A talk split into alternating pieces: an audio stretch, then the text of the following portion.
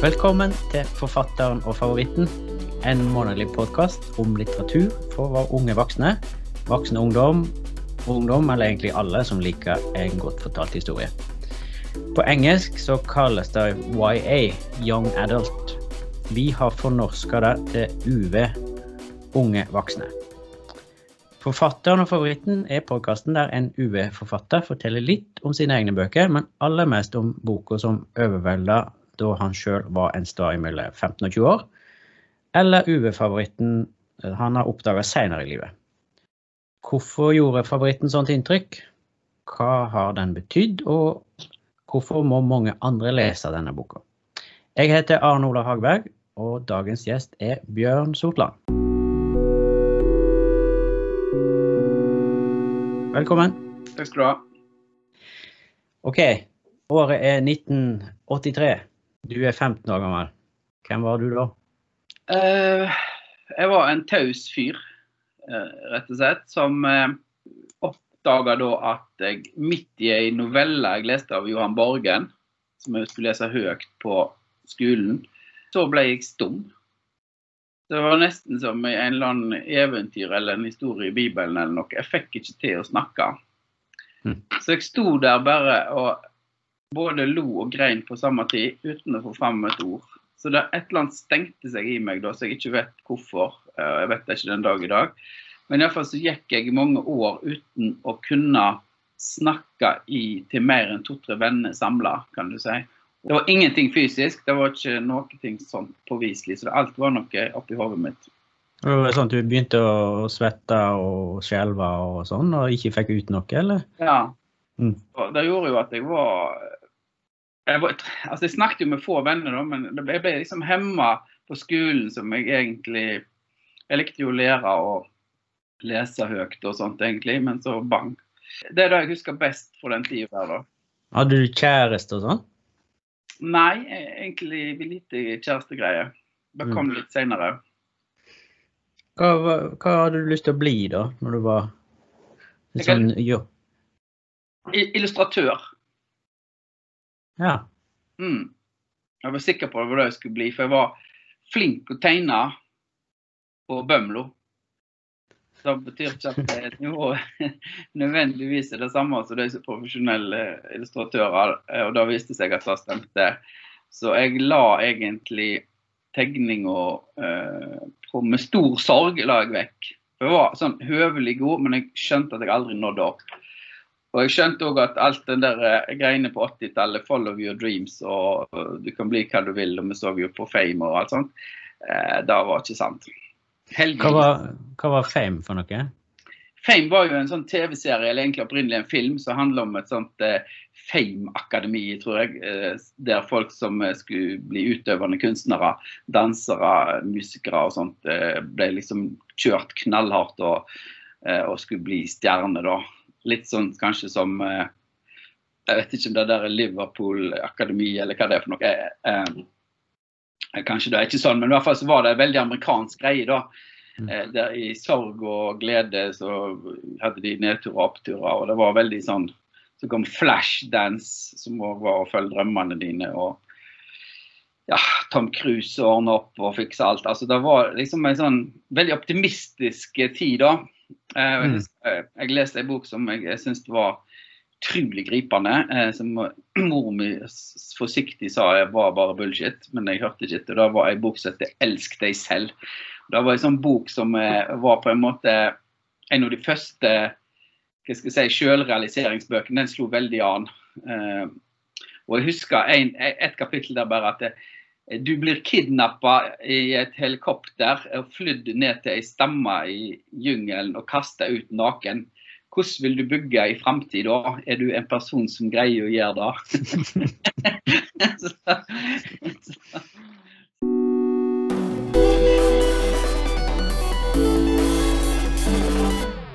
Men bortsett fra, bortsett fra sånne oppbyggelige selvhjelpsbøker, eh, hva leste du ellers? Jeg leser veldig mye. Eh, jeg tror deg selv var et unntak. Eh, jeg leser vel nesten alt jeg kommer over. Jeg husker Peters baby, eh, som er en svensk bok om en ung gutt som ble far. Det var veldig spennende, syns jeg. Om Mm. noen som ble bråvoksne. Så jeg følte meg jo gammel, liksom. Fra jeg var ganske ung. Eller Jeg tror ikke jeg hadde artikulert det så tydelig, men jeg følte meg som, veld, som voksen. At jeg ikke var At jeg ikke forsto det å være ungdom. Jeg prøvde å gjøre ungdomsting, men det liksom det Mm. Jeg forsto ikke helt hvordan jeg skulle være ungdom. Så, så seinere har jo eh, Gina Vinje, som var agent for meg på Aschehoug City, hun sa jo at ja, men du var jo 40 år når du ble født, Bjørn. Så du, det var vanskelig for deg å være ungdom. Så det er jo noen som er der, da. Eh, Og jeg er nok en av dem.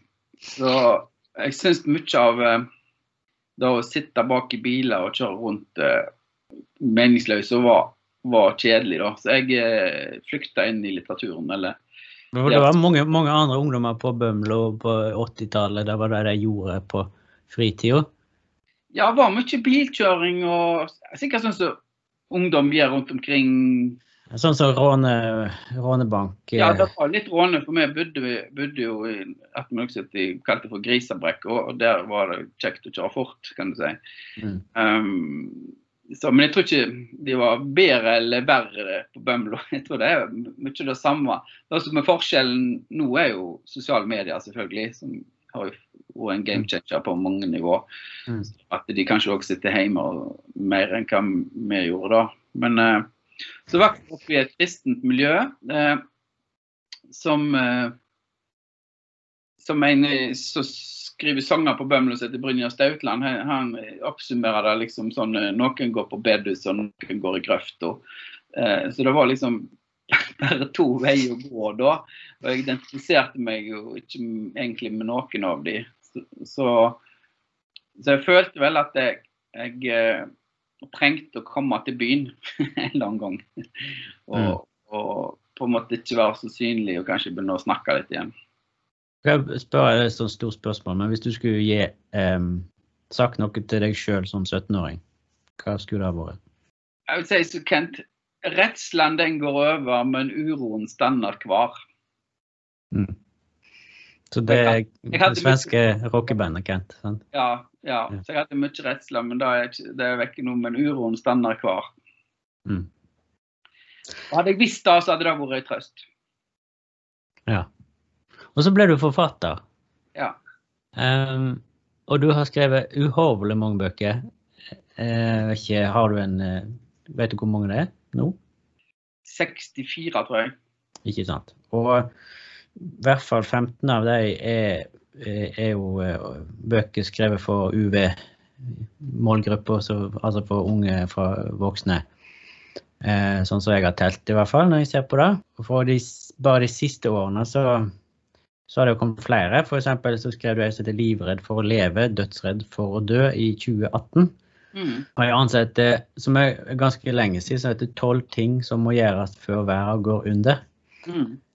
Jeg Det slo meg når jeg las titlene litt etter hverandre her, at det er ganske Det er litt sånn store titler, skjønner du? Alle har et sultent hjerte, er han. Som det er sånne Vil du si noe om det, om titlene dine? Hvorfor kaller du de sånne ting? Jeg har jo alltid øh, vært opptatt av litteratur som har et større rom enn på en måte eh, sosialrealismen i, i sin verste form, sagt. Eller, øh, altså jeg har aldri likt så godt sånne problemer under debattbøker. Da er det noe som tangerer da. Eh, så Og sosialrealisme, det er sånn når en, når en skriver om, om vanlige problem som skjer i hverdagen. Og, Ja, jeg har jo gjort det òg, på en måte, men, men hvis jeg tar klisjeen av sosialrealisme, da, så var den politisk lada, kan du si.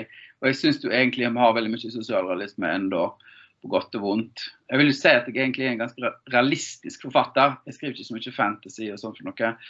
Men jeg har alltid vært opptatt av det store eksistensielle rommet. Eh, de som skriver om det, de som skriver om Gud, de som tenker på ting. Søren Kirkegård, de som lurer på hvorfor vi er redde når vi egentlig har det bra. Hva er rastløsheten vår? Altså de, store tingene, da. Og, og ja, mm, jøden. altså de store spørsmålene, da. Eh, og, og jeg har tenkt sånn som eh, kanadiske forfatteren Douglas Copland sa. Han sa en gang at eh, han fikk spørsmålet hva er det verste du kan tenke deg? Og Da svarte han at eh, det verste jeg kan tenke meg, er at Gud finnes, men han er ikke glad i meg. Akkurat der tror jeg liksom det helt store da, som, som er en, en, energi i skrivinga mi òg. Når, når jeg skriver, så tenker jeg faktisk ikke så veldig mye. Jeg skriver ganske fort. Så, så ser jeg etterpå hva jeg har skrevet. Så, eh, så jeg sitter ikke og tenker ah, nå skal jeg skrive om døden og nå skal jeg skrive om sånn og sånn, men det blir nå bare sånn. Mm. Jeg har jo vært veldig opptatt av forfattere som eh, Jon Fosse, f.eks. Eh, som jeg hadde også lærer i når jeg gikk på Skrivekunstakademiet i Bergen i, på 90-tallet. Eh, så sånne forfattere, Dostojevskij og Tolstoy og sånt. Så jeg var jo 40 år da jeg ble født. Jeg satt og leste på dette her da. Forsto kanskje ikke alt, men, men uh, det var noe der da. Mm. Tenker du at det er noe som kjennetegner litteratur for unge voksne, som må være der, eller som, som gjør at det passer mest for deg og mindre for andre, f.eks.? Eller tenker du sånn når du skriver, at du skal treffe den og den? Nei, jeg, jeg er jo plaget av det der uh, målgruppegreiene. Og jeg ser jo det stemmer jo ikke heller. sant? Altså det, jeg vet jo tredjeklassinger som sitter og ler og ser på parterapi på TV, liksom. Mens eh, noen på syns det er morsomt. Jeg vet ikke om de forstår det, men de syns det er morsomt. Eller mange som er på videregående og skriver særemne om mine bøker som er for, såkalt for mellomtrinnet, kunstdetektiven og sånt som er sjangerlitteratur. Da skriver de særoppgaver om å lese. Så jeg tror det er på en måte det som identifikasjon tror jeg er veldig viktig eh, når man skriver for unge. At, at, de kan identifisere seg med, med, en karakter. Og kanskje det eneste jeg tror jeg tenker på, er rett og slett at de er ikke så At de er opp, opp mot 20 år, kan du si. Eller altså, de, de, er ikke, de er ikke Jeg skriver ikke ungdomsromaner der 30-åring er hovedperson. Nei. Uh, det har jeg egentlig ikke tenkt så mye på, men jeg skal være etterpåklok. Så ser jeg at jeg prøver å skape en karakter som, uh, som er på alder med de uh, som jeg tenker kan lese uh, boka, da. Eller som kan treffe der, der jeg kan treffe de hjemme på et vis. men jeg vet jo at veldig mange bibliotekarer, voksne folk, leser mine ungdomsbøker òg. Eh, og syns jeg skal skrive flere ungdomsbøker til deg, liksom. Så, men jeg, altså, jeg velsigner meg jo aldri å være kul. Jeg, jeg, var aldri kul. Eh, så jeg på en måte har, har ikke måttet levd opp til noe, da. For hvis du har basert deg på å være kul, så tar det utrolig kort tid før du ikke er kul. Og da må du prøve å være kul, og da går det i dass. Så jeg slipper det. Jeg er liksom født med V-genser, så jeg slipper unna det, da. PC der. Jeg sier jo som Hem Hemingway sier jo forfatteren at det, det, er viktig å bruke det vanlige, hverdagslige språket. Eh, det tror jeg veldig på. Mm. Så jeg prøver ikke å ha et ungdomsspråk eller tenke spesielt ungdom når jeg skriver. Eh, vi må bare snakke litt mer om dine egne bøker før vi går over til favorittene eh, og den eh, spennende pallen du har laga til oss. Eh, og da tenker jeg på ei bok som heter 'Ærlighetsminuttet'. Det er jo, du nevnte Kirkegård i stad, og sånn. det er òg en sånn tittel som liksom sikter høyt. da. Mm. Men hva er ærlighetsminuttet? Du skal ta det ordet først. Ærlighetsminuttet er noe som Noen fortalte meg at eh, de hadde hatt som prosjekt å være ærlig ett minutt hver 14. dag. Bare se rett ut av de tenkte, og kun ett minutt. Eh, men de slutta med det etter egentlig noen sekunder, fordi at eh, hele verden kollapsa jo, liksom. Eh, så hvis du sier til ei ung lærerinne jeg er veldig forelska i deg, så har du brukt to sekunder, og verden kollapser, liksom. Eller, altså, så det er farlig med ærlighet, da. Så hun jenta som hovedperson, som heter Frida, hun har det som prosjekt at hun prøver å være ærlig i ett minutt eh, hver 14. dag, og så trenger hun 14 dager på å fikse det opp igjen med relasjoner med folk og sånt, etter hun har vært ærlig da. Så ja, så der, der kommer det fra. Det kommer egentlig ikke fra Kirkegård. Så syns jeg det var et nytt ord som, eh, som jeg fant på sjøl, som jeg ikke har hørt før. Eh, og Av og til så tenker jeg sånn at jeg nå skal jeg hjemme meg ha, meg ha meg et ærlighetsminutt her. Når jeg kjenner jeg orker ikke mer. Men eh, det er jo farlig, da. Mm. Og alt som Men- er farlig, skal en skrive om. Men det er òg veldig, veldig masse kunst, altså, sånn, altså bildekunst, eh, store malere, sånn, Mm. eh, sånn eh, i, i denne boka. Eh, at det blir snakka mye om det. Eh, og, og reising. Det er sånne ting som ofte er med i dine bøker. Mm. Um, men uh, hvorfor skriver du liksom ungdomsbøker om, eh, om uh, menn med kjortel som daua for 250 år siden, liksom? Det begynte jo med at jeg skulle hadde lyst til å Jeg er jo litt mistenksom til den boka, da, selv om jeg er veldig glad i den. Fordi at du er så didaktisk. Eh, jeg går inn og på en måte vil at folk skal se kunst. da. Så saklig sett så er rammefortellingen en, eh, en helt, helt kronologisk framstilling av den vestlige kunsthistorien. Fra bruddet med Bysants og ikontradisjonen fram til i dag. Eh, så da er liksom, og, og da på motivet som jeg fant, som var som alle hadde malt. For du kan si Alle har kanskje malt selvportrett, men da er det jo forskjellige personer. Mm. Så alle, så å si alle i kunsthistorien har forholdt seg til selve korsfestelsesscenen, som òg er en klar form. Så jeg har alle bildene eh, på en måte trykt i boka, da. Og da ser du, da ser du formen, at du ser det samme motivet. Og da har- altså, nå- av at Jesus henger på korset? ja, det er Jesus henger på korset. Det er Mm. korsfestelsen som er motivet, da. Så jeg syns det var interessant, fordi at det handler så mye sammen om du tror eller ikke tror på dette her, så har kunsthistorien eh, forholdt seg veldig til det, da. Eh, og, det og det er malt på forskjellig vis. Da, da trykka de bildene gjorde at jeg kunne vise det helt konkret, i tillegg å skrive om det. Eh, da det handler om som skjønnlitteratur, og ikke didaktisk, det er at det er en som heter Jakob, eh, som bruker kunsthistorien som et sjekketriks. For han har ikke så mye annet å finne på. Så han, og Da hørte jeg om noen som gikk på Munch-museet, for de hadde fått ei dame som var litt smartere enn de sjøl, var de redd for. og Så tok de med på Munch-museet. Så gikk de bare der tause og nikka til bildene. Og da trodde dama at dette, og her har jeg funnet rett mann som både kan tenke og har innsikt. Eh, uten at de nødvendigvis brydde seg om Munch. Så da er egentlig historien som at han Jakob, som faktisk er interessert i kunst, da prøver å sjekke opp Frida, som er ikke har så peiling på kunst, eh, med kunsthistorie. For han skal skrive en artikkel om disse her eh, Mm. eh, bildene. da. Og så reiser jeg rundt på interrail, som den gang var helt ut når jeg skrev boka. Da var det helt teit. Men nå er det jo inn med tog igjen, så det hadde jeg aldri trodd. Jeg har reist veldig mye på interrail sjøl og liker å reise, og vært disse plassene stort sett som jeg skriver fra. Mm. Så, og det er jo en road movie, da. Og når jeg ikke vet hva jeg skal skrive, så lager jeg ei reise. Fordi da skjer det noe. Altså, noen skal noe. Da må det skje et eller annet.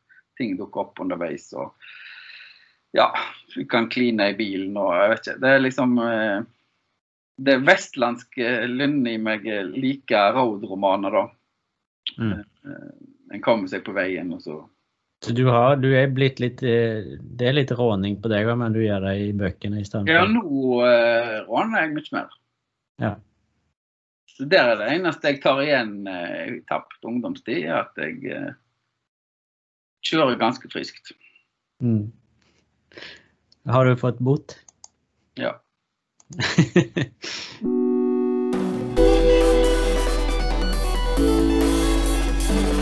Skal vi gå over på pallen din? Jeg er veldig spent på å høre hva som er, liksom, er dine topp tre ungdomsbøker. Eller unge, unge voksne bøker som du vil eh, nominere i dag. Så hvis vi går rett på eh, tredjeplassen, hvem har vi der? ja, der har jeg noe som jeg mener er den ultimate ungdomsboka på mange måter, men som er en voksenbok, og da kommer vi inn litt i den problemgreia vi snakket om målgruppe og Mm. sånn. Det er 'Beatles' av Lars Aabye Christensen. Eh, som jeg eh, og mange andre har et kjært forhold til. For det syns jeg på norsk er den sånn ultimate oppvekstromanen, da. Eh, og så liker jeg da på en måte det mørke eller friksjonen som er i boka, da. Eh, og, og du får en veldig følelse da å være en gjeng, og så er du ikke en gjeng. Så rakner det litt, liksom. Eh, og da å ha den der siste friminutt i livet før du blir voksen. Da identifiserte jeg meg veldig med, da.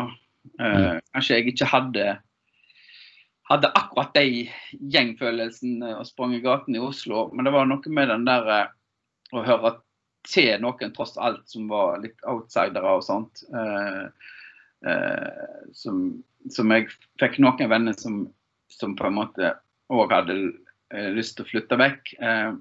Og oppdaga noe annet for en stund iallfall. Så, så hele stemningen der, og da at, det, at det, Lars Aabye Christensen skildrer Oslo så bra at jeg fikk utrolig lyst til å reise der og bo der, liksom. Eh, for det var, var òg tilgjengelig. Det var ikke liksom Mexico City, da. Det var liksom Jeg mm. kunne reise der. Eh, og Første gang jeg kom til Oslo, syntes jeg det var helt utrolig. liksom. Jeg ville se Fognerparken og alt det der. Så jeg har veldig sterkt forhold til den romanen eh, og mener at det er eh, det er en ungdomsbok på, på, mange måter. Eller det er en god bok som alle kan lese. Hvor gammel var du når du for første gangen? Jeg vet ikke. Jeg var vel, jeg lurer på om den boka kom i 84 eller noe sånt. Jeg er ikke helt sikker, men eh, jeg tror det kanskje kom før. Men jeg var vel en sånn Da var jeg 15-16 år i 1984 da.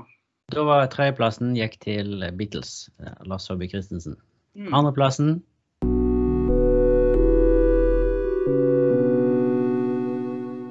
Da er Liv Marit Weberg eh, sin roman. Den er leste jeg ikke da jeg var ung, for den kom i 2018. Eh, og den heter Men jeg vil nå ta den med, da. Ja, ja. den, fordi jo, den tangerer er det voksenroman, er det uh, ungdomsroman. Uh, den heter 'Påstander om meg i tilfeldig rekkefølge'. Handlinga eller opplegget der? Handlinga er uh, For det første så er Jeg jobber sammen med Liv Marit på, um, på Brannbokinstituttet. og tenkte jeg må jo lese kollegaene mine sine bøker. Den eh, syns jeg er veldig fin. Det handler om ei jente eh, som prøver å finne seg sjøl. Og, og, så har, så alle syns du er så vanskelig. Og, eh, så de har masse påstander, da. Du er ikke en person som kan hjelpe meg i en akutt situasjon. Du er alltid uenig. Så du tar alle påstandene om seg sjøl og reflekterer rundt dem. Mm. Eh, det er så suverent skrevet i et veldig, veldig godt språk. Og så vet du ikke om du liker eller ikke liker personen. Virker veldig troverdig, men lyver litt likevel. Eh, så jeg har jo veldig tro på eh, noe som Ragnar Hovland har sagt, forfatteren, at eh, en god hovedperson er upålitelig. Eh, og, og, jeg synes, Det betyr ikke at du er stjeler og dreper, men at du er ikke så godt å få tak i deg. så Det er noe som dirrer der eh, når du leser boka, som gjør at du hele, som opprettholder hele tida en sånn nysgjerrighet og leseglede. da. Eh, så jeg syns den boka var en fest å lese, og jeg, jeg tenker at, eh, at, den står ikke tilbake liksom, for noe. Det er jo sånn eh, av og til at en del ser på barne- og ungdomsbøker som B-litteratur. Mm. Eh, de sier det ikke høyt, men det er liksom sånn, du har ikke noen forventninger til det. liksom. Eh, og da er det sånn bøker som litt Marit skriver, da. Hun har skrevet flere òg. Heldigvis er det ingen som trenger meg, f.eks. Fantastisk titler. eh, så, så er så sterkt språklig, og som har på en måte, som ikke tværer det ut og da er jo dere da jeg satt igjen med etter Skrivekunstakademiet og Jon Fosse sa en gang jeg hadde lest en tekst som han nok kanskje ikke syntes var så god, fordi han var faktisk ikke så god. Så så han på meg så sa han det er denne uttværinga, sa han da. Så jeg, jeg liker jo da med barne- og ungdomsbøker at de er ikke så himla tjukke alltid. Mm. Eh, fordi det skal noe til å forsvare 600 sider, liksom, syns jeg. Altså, og særlig i dag. Eh, at, at det, skal, det, skal, holde en styrke hele veien. da. Så jeg liker den der lettheten som er tung, på en måte. Altså lett å lese, men sitter i kroppen. Mm. Uh, det ser jeg veldig på dine egne bøker. Du har jo noen som er det er noen beskriver sånn, sånn punktromaner og sånn. altså At det er sånne mm. kapittel som, som, står veldig på egne bein som en kort tekst. Og så hopper en videre i handlingen. Ja, og jeg syns eh, at jeg, jeg stoler ofte på uh, de som greier å få sagt det på kort kort tid, for å si det sånn. Uh, så det er et ideal for meg. Uh, Mm. Og noe jeg, som gjør at jeg tenker at det, det opphever litt det der kunstige skillet mellom barne- og ungdomslitteratur og voksenlitteratur. Eh, er det godt skrevet, så er det godt skrevet. Det, Mm. det er sånn skille mellom klassisk musikk og annen musikk og alt mulig sånt. Det er vel god og dårlig musikk, da, tenker jeg. Som har det. Eh, sånn er det i litteraturen òg. Så det er mange hemmelige bøker som burde vært lest og diskutert mye mer. Eh, og blitt elska mye mer. Og Liv-Marit Weberg sin roman er en, en sånn bok, syns jeg. Tusen takk for tipset. Går vi videre til eh, favoritten. Førsteplassen på, eh, på pallen. Eh, Ja, da er det rett og slett eh, mm, Gunnar Ardelius, en svensk forfatter, som har skrevet en bok som heter 'Jeg trenger deg mer enn jeg elsker deg, og jeg elsker deg så himla høyt'. Mm. Eh, Det var, det var en tittel du kunne ha. ja, der var det yes, liksom. Eh, og Gunnar Adelius han har ikke skrevet så mange bøker. Eh, han skrev ei som heter eh, jeg Hva heter den, da? Skal vi se. 'Når du sover, kikker jeg'. tror jeg heter. Mm. Eh, så han er en kresen forfatter, såkalt. Han skriver ikke så mye, men har, eh, har et veldig godt språk. Jeg, og jeg, Leser du den på svensk eller på norsk? den, jeg har lest den på, på svensk og norsk. Jeg liker Ja. helst å lese den på norsk. Mm. Uh, og så når jeg skrev uh, um, den uh, 'Alle har et sultent hjerte' og 'Hva tåler så lite at det knuser', om du ser navnet på det, så spurte jeg om Gunnar Adelius kunne omsette bøkene, og det gjorde han. Og vi har på en måte blitt litt kjent gjennom de eh, gjennom litteraturen der, da, og komme så tett på noen. Vi må jo treffes, treffes ikke veldig ofte, ikke, men, men liksom det der- at du føler slektskap med noen, da. Eh, Mm.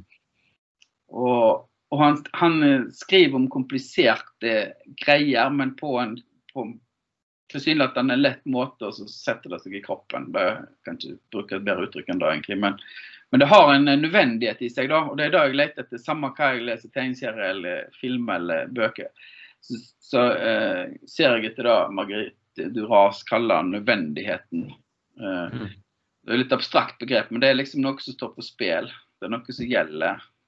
Boka må bare bli skreven, liksom. Eh, fordi dette stoffet er viktig for den som skriver, da merker en. Hva handler denne boka om, da? Det handler om rett og slett å prøve å etablere et kjærlighetsforhold til noen. Gunnar skrev han da han var ganske ung. Eh, og jeg syns det er ehm, Jeg liker jo sånne to stemmer som, som på en måte slåss litt. Altså, der det er få karakterer med. Eh, jeg har akkurat sett en film som jeg likte veldig godt, som heter Malcolm and Marie. Som handler bare om, som er veldig fortetta handling på én plass med to personer. Det syns jeg er bra. Eh, og de, de kan godt kjøre ytre sett kjøre bil eller reise til Berlin, liksom, men, men de er i én tilstand, da, kan du si. Det der er veldig fortetta når du kommer tett på et menneske, frivillig eller ufrivillig. Eh, og, og, og jeg er jo jeg er jo mest opptatt av relasjoner mellom folk eh, når jeg skriver. Mm. Eh, Ærlighetsminutt òg, selv om den er nå tjukk, så er det jo bare de to som snakker. Um, så, men det er vel da egentlig nesten alle som skriver, vil kunne si. At det, er opptatt av relasjoner mellom folk. Uh, og jeg har ikke noe sånn Jeg har vel ikke noe hatt så veldig politisk agenda. Jeg tenker når jeg skrev den boka 'Hver morgen dyppet min søster brystene i isvann for å bli pen', så var jeg så uh, frustrert og, og lei meg over Syria, og at Vesten ikke får bare slutt på det, liksom. Der dør de og dør de og dør de på verste vis. Så jeg tenker det eneste jeg kan gjøre, ok, jeg kan gi penger til Leger uten grenser, men det er nesten ingen som kommer inn og får hjelpe de der. Eh, så bare skrev den boka. jeg tenker jeg bare kan skrive en bok om det. Det var første gang jeg tenkte nå skal jeg skrive et bok virkelig om en politisk situasjon. Eh, men det ender jo opp med at jeg skriver selvfølgelig om enkeltmennesket i den den situasjonen. da, og Det er jo ei jente der som er 17 år, som prøver å flykte. Og Jeg har snakket med flere eh, som har flykta, mest jenter. Eh, og jeg snakket òg med en lege der, eh, som da eh, ja, som kunne fortelle hvordan, hvordan denne politiske eh, opposisjonen blir totalt utryddelse for veldig mange folk og, og byer. og Alt som er godt i et samfunn, blir bare utradert. Det er jo uh, Du ser sånne dronebilder fra Aleppo og sånt, så det, det, det, ser ut som en, en amerikansk katastrofefilm. eller det er helt mm. Og dette er virkelig, liksom. Og folk lever i ruinene der ennå. Ja. Så, og det er jo en pågående krig ennå, faktisk. Så, så, der var jeg politisk Om jeg kan si det sånn, da, at jeg skrev om en helt reell konflikt og sånt som er nå. Eh, og jeg tenker at jeg har lyst til å gjøre det mer, på en eller annen måte. Mm. Uh, jeg tenker jeg har liksom skrevet meg litt vekk fra det som er at noen føler seg litt utenfor i skolegården, men finner en venn til slutt likevel. eller noe sånt. Det uh, tenker jeg det har jeg sikkert gjort, men, og det er viktig. Men jeg, tenker, jeg, har lyst, jeg skriver nå om, uh, om en som har flykta fra Sør-Afrika, som har, eh, har flykta til Norge. Eh, som er i opposisjon mot ikke Sør-Afrika, men han har eh, eh, han bor i det bitte lille landet som jeg nesten ikke husker hva heter, som ligger inne i, i Sør-Afrika. Der de har han der eh, diktatoren som hvert år kommer i Dagblad fordi at han, det er en konge som har eh, rett og slett flere koner. Han plukker ut visstnok ei jomfru hvert år eh, som skal bli kona hans. Svasiland er det selvfølgelig. Mm. Eh, og da skifter navn jeg. det får blitt forvirra. Men det er et bitte lite land som ingen har hørt om. Eh, og nesten, bortsett fra disse her, eh, den festen der de jentene danser, da. Det er, det er en stor fest utover at kongen skal plukke ei, ei dame, men det er på en måte en veldig sånn reaksjonær greie. da. Han, han har all makt. Og så er det en som har flykta derfra, som da jeg intervjuer. Vanligvis er jeg ganske skeptisk til å ta på en måte levende mennesker som kommer med en fortelling og sånt, og så skriver det, fordi det er så mye sånn dumpa borti, og kanskje var det ikke sånn likevel, og kanskje blir de sinte på meg når jeg skriver annerledes enn det de tror, og i, i, det hele tatt. Så det er det enkleste å dikte opp. Men akkurat her så forholder jeg meg til et levende menneske sin historie. da. Nå var vi litt ute på, ut på tur her i forhold til Gunnar Ardelius. ja, var jo da. Altså, det er på en måte, skal jeg kanskje si Jeg syns det handler veldig om deres eh, Altså hvor vanskelig det er i dag å stole på kjærligheten, da. Eh, som jeg er veldig opptatt av, og ensomhet. Eh, og jeg treffer så veldig mange folk som sliter med å hooke opp med noen, kan du si. Eh, så jeg lurte på hva da hva det er. Det, eh, for det er mange som sier det. De blir både nær sagt 25 og 35, og de, de finner seg liksom ikke noen å leve sammen med mer som de ofte lengter etter. Eh, det syns jeg er interessant litterært sett, da. Eh, og så vidt ellers òg. Men det er på en måte fordi at det, det å være med noen, eller ikke være med noen, kan gjøre en stor forskjell på hva liv du får da. Eh, Fall, og jeg er sånn, jeg har ikke moral på om du er ensom eller ikke ensom, eller om du veldig, veldig alene, lever alene eller ikke. Men jeg oppfatter at ganske mange eh, er opptatt av det. da. Det er liksom en sånn basic ting i livet. Finne seg kjæreste og kanskje få unger og familie og sånn. Så nå er ikke jeg i KrF med familiepolitikk, det er ikke der jeg er. Men jeg ser at mange OK folk som jeg kjenner, eh, ikke hooker opp med noen. eh, og de snakker om det, og de syns det er vanskelig. Eh, så jeg tenker da Der er det mye stoff, da. Men tror du at litteraturen kan hjelpe. At du kan lese en sånn bok som f.eks. den til Adelius, og så gir det deg en Én ting er at det kan gi deg en slags trøst å se at det er flere som kanskje opplever samme følelser som deg, men tror du det kan hjelpe på liksom å, å finne seg noen og bli Ta et steg en ikke har tatt, eller? Jeg vet ikke. Jeg tror kanskje du kan ta et steg vekk fra det du har, hvis du leser noen bøker òg. At du ikke har lyst til å leve i et forhold. Uh, uh, jeg, altså, jeg sammenligner den boka der på en eller annen måte litt med uh, den trilogien som filmtrilogien som heter Ringklatter, tror jeg.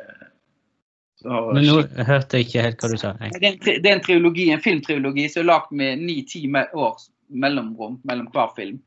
Det ene heter uh, 'Før soloppgang', den andre heter 'Før solnedgang', og den siste heter 'Før midnatt'. Og Der følger de på en måte min generasjon, kan du si. Uh, uh, de, samme, de to samme skuespillerne.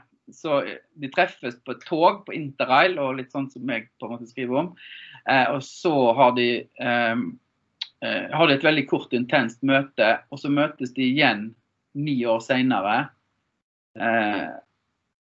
og så får du den siste filmen der de tror jeg møtes enda igjen ni år senere. I virkeligheten, altså real time. Så de, ja, de samme skuespillerne møtes igjen ni år etterpå. Blir eldre, eh, så det går så lang tid mellom innspillingene da. Og det er deres eh, tanke om livet og kjærligheten og døden og de store ting. Og, og hvordan er det å leve nå, og er det, hva er det universelle ting i livet som alle sliter med. Så jeg synes i de relasjonsdramaene der, eller hva det er, så er det så plass til så veldig mye. Fordi manuset tør å ta tak i alt, liksom. Og har ikke en sånn agenda på at jeg skal fortelle noe om betydningen av å være fri, eller altså et eller annet sånt. De, bare, de har jo improvisert, tror jeg, de to siste filmene er improvisert sammen med skuespillerne. Eh, det er Ethan Hawke, som er amerikansk, og så det er fransk, så jeg jeg er jo så dårlig i fransk Julie Delphi eller et eller annet sånt som spiller eh, fin skuespiller som spiller eh, jenter da eh, i det forholdet. Så eh, og Der er Ardelius i boka, og der er flere av mine bøker òg. Så det er vel kanskje at jeg identifiserer meg med de problemstillingene der, da. Mm. Eh, pluss at i koronatida nå så, så, så, viser jo koronagreiene hvor mye vi trenger hverandre. Mm. Hadde disse uh, Jeg vet jo Jeg tenker Adelius, hvor gammel var du når du las hans bok?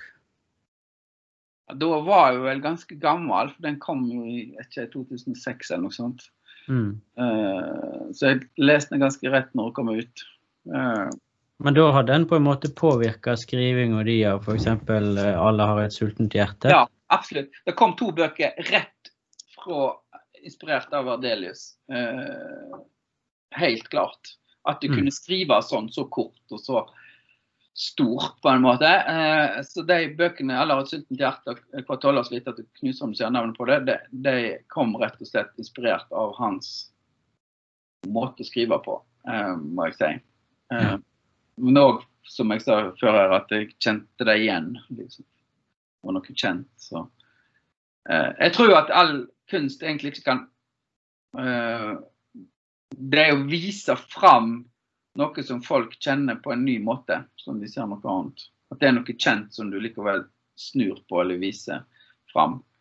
Uh, sånn at du blir, blir det, det, er vanskelig å bli overraska over noe du ikke aner hva er for noe, tenker jeg. Altså, det er mye finere å bli overraska over noe du, du kjenner, og så ser en at det er større dybde i det enn det du trodde fra før. liksom.